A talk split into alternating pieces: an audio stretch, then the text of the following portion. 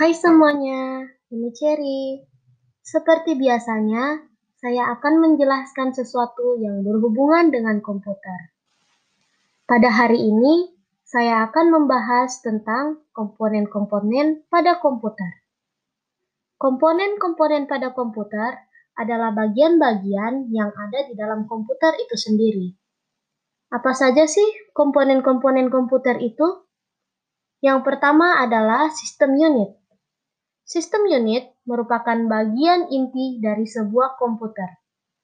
Biasanya, sistem unit disebut sebagai otak komputer dan memiliki bentuk fisik berupa kotak persegi panjang yang biasanya ditempatkan di samping atau di bawah komputer.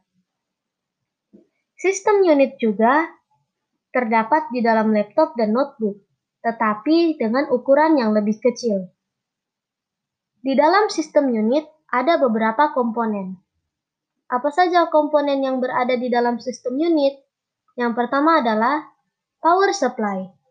Power supply merupakan komponen yang bertugas menyuplai data, daya, bagi komputer untuk mencukupi daya, maka power supply yang digunakan harus memiliki kapasitas yang sesuai sehingga komputer mampu bekerja maksimal. Yang kedua adalah motherboard. Motherboard merupakan komponen yang berupa papan sirkuit yang berfungsi sebagai komponen elektronik seperti prosesor, video card, sound card, hard disk, dan masih banyak lagi. Komponen elektronik tersebut saling terhubung, dan motherboardlah yang menghubungkan mereka satu sama lain. Yang ketiga adalah mikroprosesor. Mikroprosesor berupa benda seperti chip kecil yang berguna untuk menjalankan perintah dari pengguna atau user. Bisa dikatakan, benda ini adalah otak dari komputer. Semakin baik kualitas prosesor, semakin tinggilah kecepatan komputer kita. Yang keempat adalah RAM. RAM adalah komponen komputer yang mempunyai fungsi untuk menampung data setelah diproses oleh prosesor. Sebelum data dialirkan ke bagian yang seharusnya, maka data tersebut ditampung menggunakan RAM. Secara umum, RAM berfungsi sebagai penyimpanan yang bersifat sementara, serta digunakan hanya ketika sebuah komponen itu menyala. Yang kelima adalah hard disk. Hard disk merupakan tempat penyimpanan komputer yang utama. Kapasitas hard disk saat ini bervariasi, mulai dari 250 GB, 500 GB, 1 TB, bahkan ada sampai 3 TB. Hard disk biasanya disingkat sebagai HDD. Yang keenam adalah optical disk drive. Optical disk drive biasanya dikenal dengan istilah DVD or CD-ROM. Optical disk drive ini adalah perangkat yang kita gunakan ketika ingin menulis serta membaca CD atau DVD. Di dalam optical disk drive terdapat beberapa komponen, yaitu CD-ROM drive, CD-RW drive, DVD-ROM drive, dan DVD-RW drive. Yang ketujuh adalah VGA. VGA atau Video Graphic Adapter merupakan sebuah kartu grafis yang merupakan perangkat keras yang berfungsi mengolah data grafis sebelum data tersebut tampil ke dalam layar monitor. Nah, komponen-komponen yang sudah saya sebutkan tadi adalah komponen yang berada di dalam sistem unit. Sekarang, apa saja sih komponen-komponen komputer yang berada di luar dari sistem unit. Komponen-komponen tersebut berupa mouse, keyboard, speaker, dan masih banyak lagi. Yang pertama adalah mouse. Mouse berupa perangkat kecil yang berfungsi sebagai penunjuk dan pemilih pada komputer. Mouse digunakan untuk mengendalikan kursor pada layar komputer, sehingga kita dapat menggerakkan memilih, dan mengklik program-program yang ada pada komputer. Dinamakan mouse karena bentuknya yang menyerupai tikus, yaitu kecil dan lonjong. dan juga terhubung dengan kabel, kabel panjang. Mouse memiliki dua tombol, yaitu di kiri dan kanan.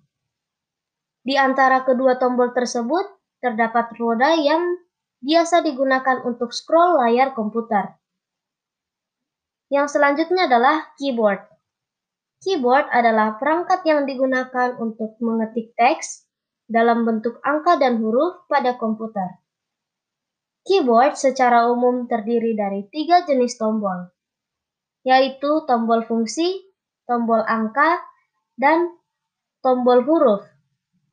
Tombol fungsi terdiri dari F1 sampai F12. Tombol huruf dan angka berada di bagian utama keyboard bagian atas dan bagian kanan.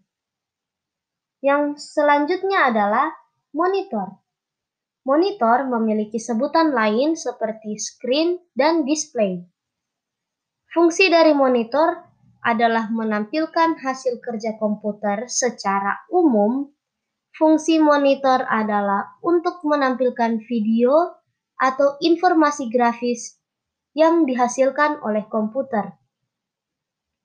Untuk menampilkan video tersebut, maka monitor menggunakan kartu grafis atau VGA card. Bentuk fisik monitor menyerupai televisi. Perbedaannya, TV mampu menampilkan resolusi gambar yang lebih tinggi dibandingkan dengan monitor.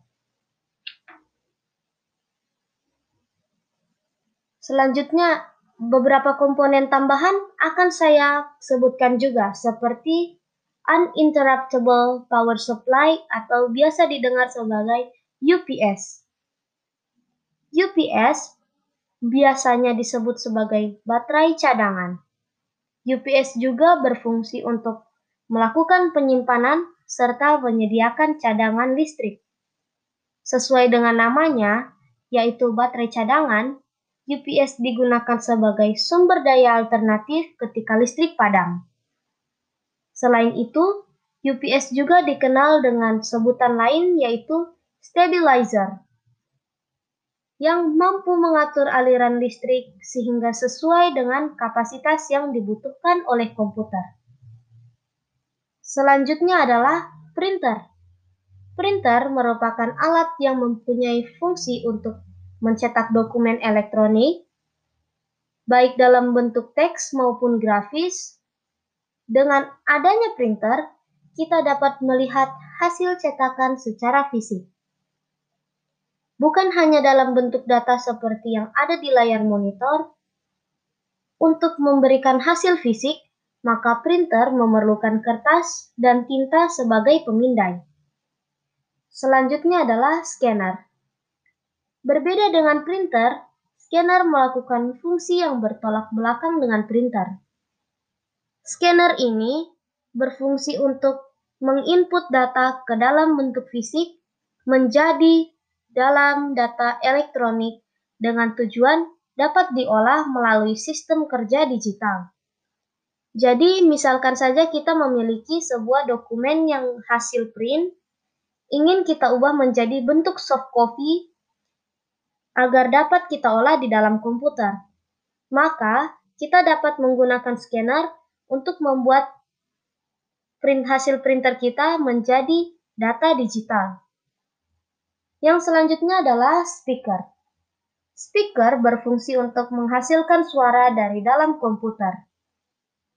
Alat ini mampu mengeluarkan suara yang keras sehingga lebih banyak digunakan untuk memutar musik dan film.